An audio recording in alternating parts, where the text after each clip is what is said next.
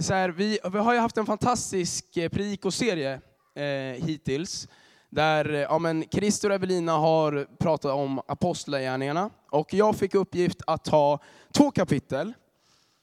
Och jag tänkte för mig själv, eh, vad vill du säga Herre med de här kapitlerna? Jag, jag fattade inte, det var så mastigt och det var så mycket. Och jag, jag, jag var så här bara, vad, vad, vad ska jag få ut av det här? Det här är liksom min tredje predikan någonsin. Så jag bara, Åh, vad ska jag göra?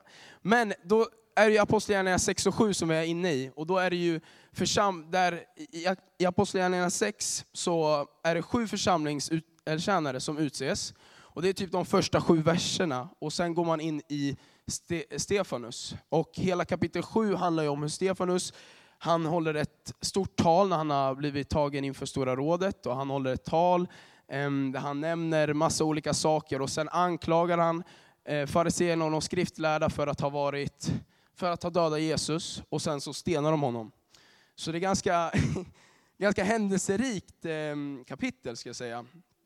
Och eh, vi ska börja i kapitel 6 tänker jag. Och eh, ni kan följa med, för jag är inte så teknisk som Christer, så jag kan inte ha keynote eller en eh, powerpoint. Så att, eh, ni får lyssna till min härliga röst idag. Jag har dyslexi också, så det kommer bli kul för er tror jag. Yes, vi börjar från kapi eller vi börjar kapitel 6, vers 1 till 7 då. Så står det så här, vid den tiden när antalet lärjungar växte började de grekisktalande judarna klaga på de hebreisktalande över att deras änkor blev bortglömda vid den dagliga matutdelningen. Då kallade de tolv samman alla lärjungar och sade, det är inte bra om vi försummar Guds ord för att göra tjänst vid borden. Nej bröder, utse sju män bland er som har gott anseende och är fyllda av ande och vishet, så ger vi dem den uppgiften.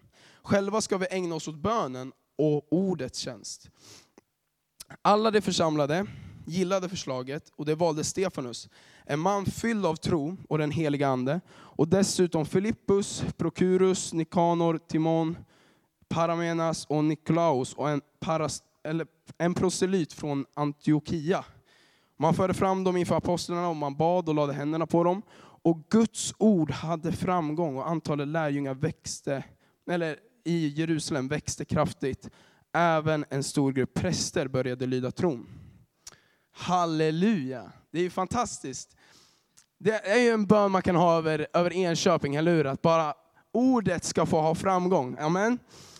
Och, eh, ja, men det är grymt bibelställe, verkligen. Men någonting som jag, jag blir ganska frustrerad när jag läser, bland annat det här, men med apostlagärningarna i allmänhet. Alltså det är sjukt frustrerande ibland tycker jag, för det känns så otroligt enkelt.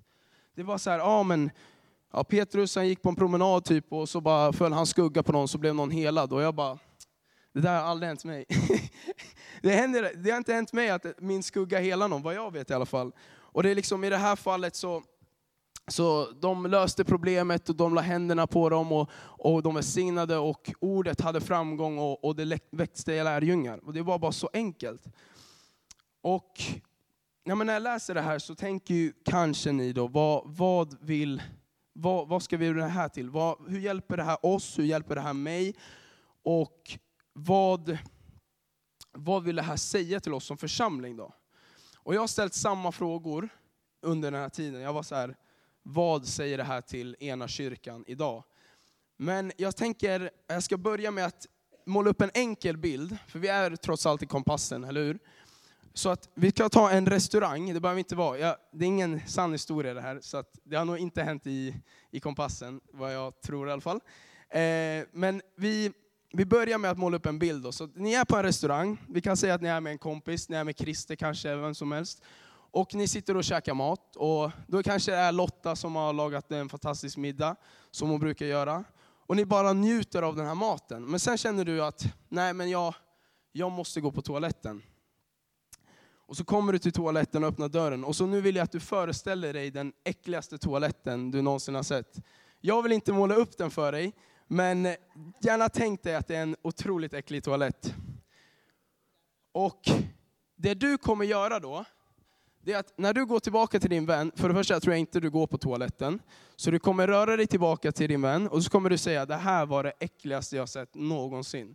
Alltså det här är otroligt. Och sen så går ni därifrån och till varenda person, varenda kompis som du nämner det här till, kommer inte du först och främst nämna hur gott maten smakade. Även om den var hur god som helst, så kommer du ändå alltid ta upp det negativa. Eller hur? I alla fall jag hade gjort det. Jag hade nog sagt så här, bara, men alltså, det var ju ett skämt alltså, att gå på toa där. Det gick inte, alltså, det var så äckligt. Och du kommer förmodligen aldrig besöka den platsen igen, eller hur? Jag hade inte gjort det i alla fall. Och nu vet jag att det är flera som jobbar med restaurang och, och sådär, och jag har ingen erfarenhet, så jag ska vara ödmjuk. Men vad jag tror för en restaurang att lyckas, det är att helheten på något sätt måste fungera. Eller hur? Helheten måste sitta för att du i det här fallet så behövde maten smaka gott, vilket den gjorde, men också toaletten behövde vara städad för att du skulle känna att ja, men det, här, det här var nice, jag hade en bra upplevelse. Och när helheten sitter så kommer restaurangen att bära framgång. Eller hur? Och jag tror att det är samma sak med vår församling, eller med församlingen allmänt. När alla använder sina gåvor och känner ett ansvar och vill ta vara på sitt förvaltarskap, då kommer vi som församling att blomstra. Vi kommer att utvecklas och vi kommer att växa. Och nu säger inte jag så här att du behöver vara den som, som städar toaletterna här. Det är inte det. Jag försöker inte värva folk att städa toan på ena, ena kyrkan. Men tänk så här, att tänk om ingen hade städat toaletten. Eller om man vill dra ännu längre, så tänk om ingen hade stått och hälsat oss välkomna i foajén. Tänk om ingen hade lagt fram fika, tänk om ingen sjöng lovsång, tänk om ingen hade suttit med ljudet och bilden. Och tänk om ingen predikade. Vad hade hänt då? Varje del behövs för att vi som helhet ska fungera. Som enhet, som församling ska fungera.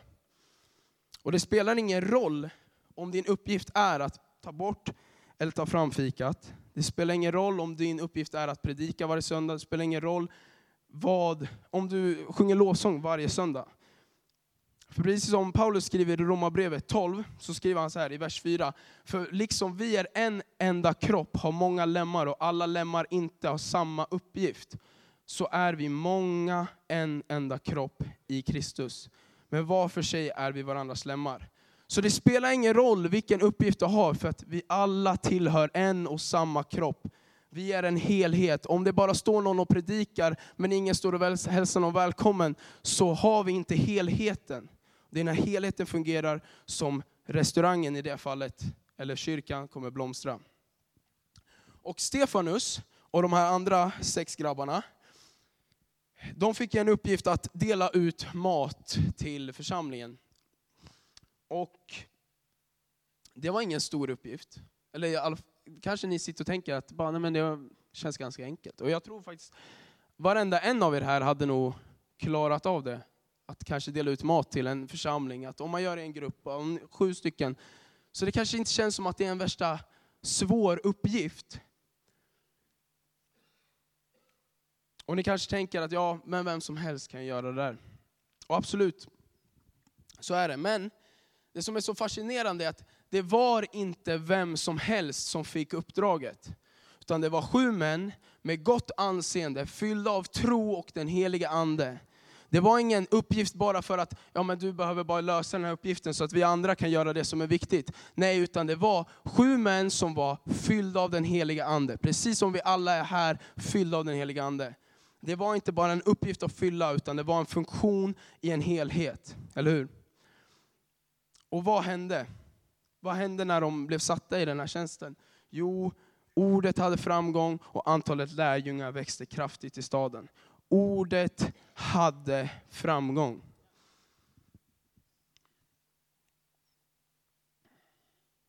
Och det är så som vi församling kan vara riktade. Som vi ser i den här texten, vi kan vara riktade, att vi får vara en enhet. Men hur gör vi då i våra personliga liv? För det står inte att det bara var en enhet, det står också att de var fyllda av den heliga Ande, eller hur? Precis som vi alla här är fyllda, men varför ska man vara fylld av heliga Ande för att tjäna kyrkan eller för att, för att ordet ska ha framgång? Varför ska, man, varför ska man vara fylld av tro? Och jag tycker Christer sa det så bra, för när vi började den här predikoscenen så sa han att anden gavs för uppdraget. Då har vi ju varför, eller hur? Vi har ett varför, varför vi ska vara fyllda. Jo, för att vi har ett uppdrag. Och lite av det som, jag frågade Christer också och Evelina och Aron inför den här predikan, att vad, är, vad, vad vill vi säga med, med apostlagärningarna när vi läser det? Har vi en röd tråd? Och då sa de att vi vill nå ut med ordet till människorna utanför kyrkan. Och då, det står ju det står att ordet hade framgång, men jag tror inte att apostlarna och de, de stannade liksom inte bara i kyrkan när de hade delat ut den här maten det var inte att apostlarna de sa att vi ägnar oss åt bön och ordets tjänst, så menar de inte att vi menar bara ordet i församlingen, utan även att gå ut. Och där har vi ett uppdrag. Och hur gör vi då? Hur är vi fyllda? Hur, hur ska vi göra det? Jo, det börjar i ditt personliga liv. Det börjar i att du i din kammare där hemma, du stänger din dörr, du tar upp din bibel, du tar upp ditt kors och följer Jesus och du lever i omvändelse. Omvändelse det kan kännas kanske fördömande eller jobbigt, men det är så fantastiskt att leva i omvändelse. För det är bara av nåden som vi är frälsta, eller hur? Att leva i, leva i omvändelse, att leva i närhet med Jesus, så kommer dina tankar och ditt liv att förvandlas. Och nu ska vi fortsätta in i kapitel 7. När vi är inne på det personliga så tänker jag att vi går in i kapitel 7. Och och det är när Stefanus, han har blivit gripen och han ska han hålls inför de här och han börjar hålla ett tal. Och det som är fascinerande med det här talet är att Stefanus han börjar prata om tre historiska män som jag tror varenda judisk man på den här tiden, säkert kvinna också, men framförallt männen tror jag såg väldigt mycket upp till de här, män, till de här historiska männen fariseerna som han stod framför det stora rådet, de såg nog väldigt mycket upp till, till de här männen. Och det var Abraham, Josef och Mose. Tre historiska män som det, i Hebreerbrevet kallar man troshjältar. De har vandrat före i tron. Och vi kan börja med, vi kan börja med Abraham. Och så här står det i kapitel 7, vers 2-4. Så står det, Härlighetens Gud uppenbarade sig för vår fader Abraham i Mesopotamien, innan han bosatte sig i ha, ha, Haran. Haran? Ja, jag vet inte. Han sade till honom, lämna ditt land och din släkt och bege dig till det land som jag ska visa dig. Då lämnade Abraham Kaldenas land och bosatte sig i Haran. Och när hans far hade dött förde Gud honom därifrån till det land där ni nu bor. Så kontexten i det här är att Abraham, om han bodde på en plats, Gud talade till honom att nu ska du bryta upp och så ska du gå vidare. Och jag tror inte det var en så lätt grej för Abraham att göra, för att jag tror han hade boskapsdjur, han hade kanske ett, ett hus eller en gård, eller vad man säger. han hade sin släkt där. Men Gud sa, bryt upp och vandra vidare, för jag ska visa dig ett land. Och det står även att han inte fick typ ens en fotsbredd av landet. Men Gud lovade honom någonting. Han visade honom och Abraham lydde Guds ord. Och därför är min första punkt att lyda Gud. Det står i Hebreerbrevet 11, eh, vers 8, så står det, i tron lydde Abraham när han blev kallad att dra ut till ett land som han skulle få i arv. Och han gav sig iväg utan att veta vart han skulle komma. Abraham lydde Gud. Och varför jag tar upp att lyda Gud, det är för att det inte alltid är trevligt, det är inte alltid skönt, det är inte alltid roligt att lyda Gud. Men det är så nödvändigt. För Gud har också det bästa för oss. Och hur lyder vi Gud? Jo, vi, vi, rör, vi, vi tar tid i ordet, vi läser ordet. Han har skrivit den här som en handbok för att vi ska leva. Och jag vill verkligen uppmuntra dig idag att, att om du känner att ja, men att lyda Gud det kan vara att bara berätta om Jesus till din nästa, så som Andreas Kucka berättade för några veckor sedan. Att, att vara den här Gustav, att bara berätta vart du än går om vem Jesus är. Det kan bara vara att lyda Gud, i det simpla. Min andra punkt är om Josef. Och då står det så här vidare i kapitel, kapitel 7, vers 9 till 10 så står det, Vår stam, våra stamfäder blev avundsjuka på Josef och sålde honom till Egypten. Men Gud var med honom och räddade honom ur all hans lidande. Han gav honom nåd och vishet inför farao, kungen i Egypten, som satte honom till styresman över Egypten och hela sitt hus. Så Josef, som blev såld till Egypten, och det var av hans bröder. Och sen levde han i flera, flera år och han blev fängslad och allting. Som ni vet, ni kan ju den här historien, eller hur? Och sen så kommer ju den här dagen då han ställs inför sina bröder. Och då vill jag inte fortsätta i, i Apostlagärningarna, utan jag fortsätter till eh, första Mosebok, där det, det, är lite mer, man får se lite mer om när han ger sig till känna. För då står det så här, då kunde Josef inte behärska sig längre. Det här var inför andra gången han såg dem. Alla som stod omkring honom, han ropade, gå ut härifrån. Ingen fick stanna inne hos Josef när han gav sig till känna för sina bröder. Han började gråta så högt att egyptierna hörde det och faraos husfolk hörde det också. Då gråter man högt alltså. det är sjukt. Och Josef sa till sina bröder, jag är Josef, lever faren? Men hans bröder kunde inte svara, så förskräckta det blev för honom. Då sade Josef till dem, kom hit till mig. När det kom, när det kom fram sade han, jag är er bror Josef som ni sålde till Egypten. Men var inte ledsna och sörj inte över att ni sålde mig, sålde mig hit. Det var för att rädda liv som Gud sände mig hit före er. Och när, jag, när man ser den här texten så, så ser man bara förlåtelsen. Det står inte att Josef förlät sina bröder, men det är så tydligt. För han kunde inte, inför första gången så prövade han dem och sa, ni är spejare. Men det, någonting som var med Josef var också att han, han var en drömmare. Han hade fått drömmar att han skulle, hans bröder skulle böja knä inför honom. Och när de kom första gången så kom han ihåg sina drömmar och anklagade dem för någonting som de inte var. Och ju mer han träffade dem så bara kände han den här, det högg till liksom i hans hjärta. Och det är det här, när, vi, när han ger sig till känna så bara förlåter han sina bröder. Och han tar med sig dem och han, han låter dem hämta hela hans släkt. Och de får bo i Egypten ända tills det kommer en annan kung, det är en annan farao som inte kände till Josef. Så att det var en sån upprättelse. Och min andra punkt är förlåtelse, för jag tror att förlåtelse är så viktigt i våra liv för att vi ska ha närhet med Jesus. Det är som, oförlåtelse är som typ en, att du förmultnar inombords. Det är som att ditt hjärta bara ruttnar. Och jag vill verkligen bara också uppmuntra dig här idag att förlåta din nästa, förlåta vem som har gjort dig illa, förlåta någon som, som kanske inte ens förtjänar det. Men om du tänker på Jesus, när han var på det där korset, så sa han förlåt dem Fader för de vet inte vad de gör. Medan han hade under en hel dag blivit piskad och korsfäst och liksom förödmjukad, så förlät han dem. De förtjänade det inte, vi förtjänar inte förlåtelsen. Därför är det viktigt att vi förlåter våra medmänniskor som har gjort oss illa. Och vi går in i, i den tredje punkten. Och det handlar om Mose. Mose, jag kommer, det är en lång historia, ni har väl sett, eh, vad heter den? Prinsen av Egypten, heter den så? Bra, bra film.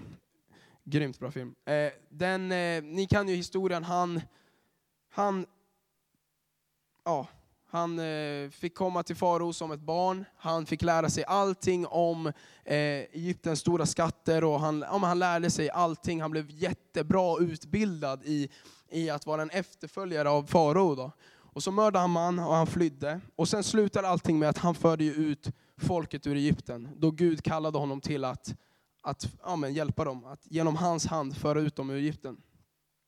Men jag tänker mer fokusera på tiden i öknen otroligt speciell tid. Alltså, jag vet inte, jag pratade med mamma och pappa om det här, så jag vet inte vad det är för fakta. Men alltså, om man tittar på, om man tittar på alltså, hur rak, alltså, om de hade gått rakt i Egypten, om de hade gått raka vägen, alltså, så hade det ungefär tagit en vecka från vart de började till där vart de slutade. Men Gud höll dem i öknen i 40 år. Alltså en vecka och 40 år, alltså jag har inte ens levt 40 år än. Alltså jag är typ halvvägs där. Så att alltså det, det, om jag hade varit i, alltså i öknen i 20 år så hade man ju blivit galen. Och alltså, så det var verkligen så här, det var en speciell tid för Guds folk, de, rörde, de vände sig emot Gud, de gjorde avgudar och massa, massa, massa grejer. Och så står det så här, i kapitel 7 då, Så står det om Mose och de i öknen. Då. Och då står det i vers 36 till 38 tror jag. Ja. Det var han som förde dem ut ur Egypten, eller ut och gjorde under och tecken i Egypten och i Röda havet och öknen under 40 år. Det var denne Mose som sade till Israels barn, en profet lik mig ska låta uppstå åt er ur era bröders krets. Det var han som i församlingen i öknen var tillsammans och både med ängeln som talade till honom på berget Sinai och med våra fäder och han tog emot levande ord för att ge till oss. Redan där pratar Mose om en profet lik honom ska komma efter honom. Och så kan vi gå till, till Hebreerbrevet 11 direkt. I vers 26 och 27 så står det också om Mose. Och då står det så här, han räknade Kristi vanära som en större rikedom än Egyptens alla skatter, för han hade blicken riktad mot lönen. Genom tron lämnade han Egypten utan att frukta kungens vrede. Han höll ut därför att han liksom såg den osynlige. Mose, redan Jesus ens, innan Jesus ens fanns så hade han blicken riktad mot Jesus. Och det är min sista punkt, eller min tredje punkt. Ha blicken fäst på Jesus. För han är trons upphovsman och fullkomnare. Och att vi får rikta vår blick på honom. Och jag tycker det är fett kul, eh, nu Lasse du får rätta mig om jag har fel, men när man ska klippa får, om vi tänker att vi alla här är får, för vi är lika smarta som får nästan. Vad heter det? Så när man ska klippa ett får så ställer man den i en, i en, i en ställning, en, en klippstol typ kan man kalla det. Och då så, det som, alltså då sitter inte fåret, utan det står fortfarande. Men då sätter man huvudet emellan typ en liten glipa så att huvudet sitter fast och den kan bara ha blicken fäst rakt fram. Den kan bara se rakt fram. Så när man klipper fåret så lugnar det ner sig. Medan man drar och klipper av ullen och det, det stormar runt omkring det så har fårets huvud bara blicken fäst på en punkt. Och det där tycker jag är så bra i vår att tänka att vi är som det här fåret som sitter i klippstolen. För när vi har blicken fäst på Jesus, då kommer inte, oavsett hur mycket det stormar och hur jobbigt det är och, och min ekonomi och allt sånt här, allt det så kommer, kommer inte märka av det för att du har blicken fäst på lönen. Du har blicken fäst på någonting som har övervunnit alla dina rädslor, övervunnit allting och han är ju svaret, eller hur? Så att ha blicken fäst på Jesus. Och jag ska börja gå för avslutning och eh, lovsångarna kan börja komma upp. Och vi ska avsluta i, i kapitel 7.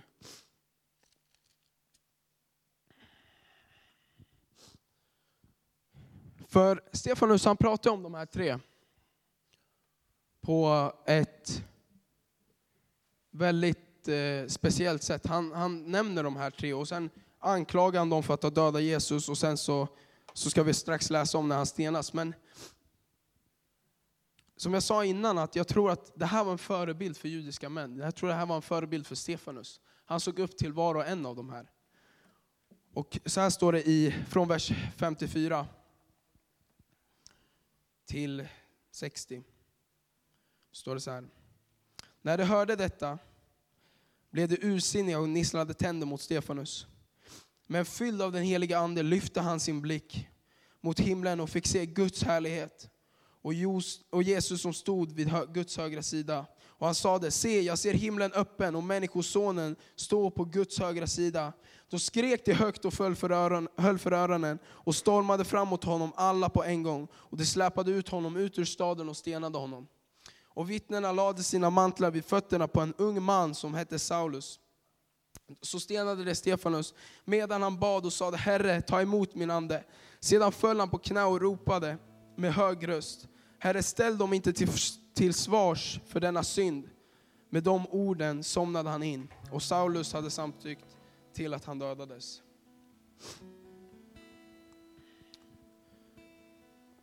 Av de här tre punkterna som jag nyss nämnde så vill jag säga till dig att på något sätt börja titta på Stefanus. Det var en församlingstjänare som hade en simpel uppgift, kan man tycka. Men han var fylld av den heliga ande och tro. Han var ingen märkvärdigt, han var som dig och mig. Det var en människa. Men han lydde Gud. Och när som han stenas så förlåter han de som stenar honom. Och precis innan det så har han riktat och lyft sin blick på Jesus. Allt det som jag sa, allt det som han talade om själv, det gjorde han själv. Och jag vill verkligen uppmuntra dig idag. Vi kommer ta en stund att lovsjunga, vi kommer ha förbön. Och jag vill verkligen att du rannsakar och tittar in till ditt inre av de här tre sakerna. Vad behöver du? Om det är alla tre, eller om det är en sak, eller om det är någonting annat. Men titta till ditt inre, att vad är det jag behöver göra? Är det att börja lyda Gud igen? Är det att börja förlåta? Eller är det att börja fästa din blick på Jesus igen? Vi kan ställa oss upp tillsammans.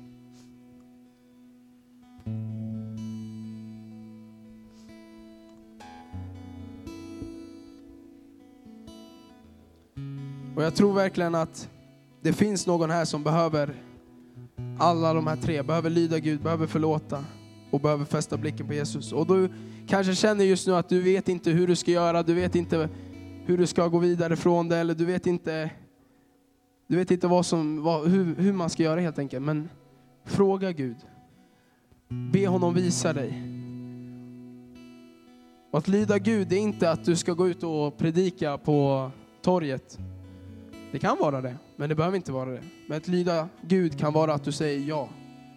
Ett ja till att här är jag Gud, sänd mig.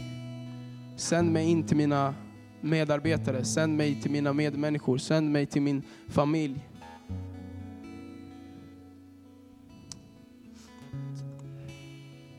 Vi ber tillsammans. Tack Jesus. För din nåd Herre. Jag bara tackar dig Jesus för, för den här söndagen Fader. Att vi får återigen lyfta vår blick till dig Herre. Precis som Stefanus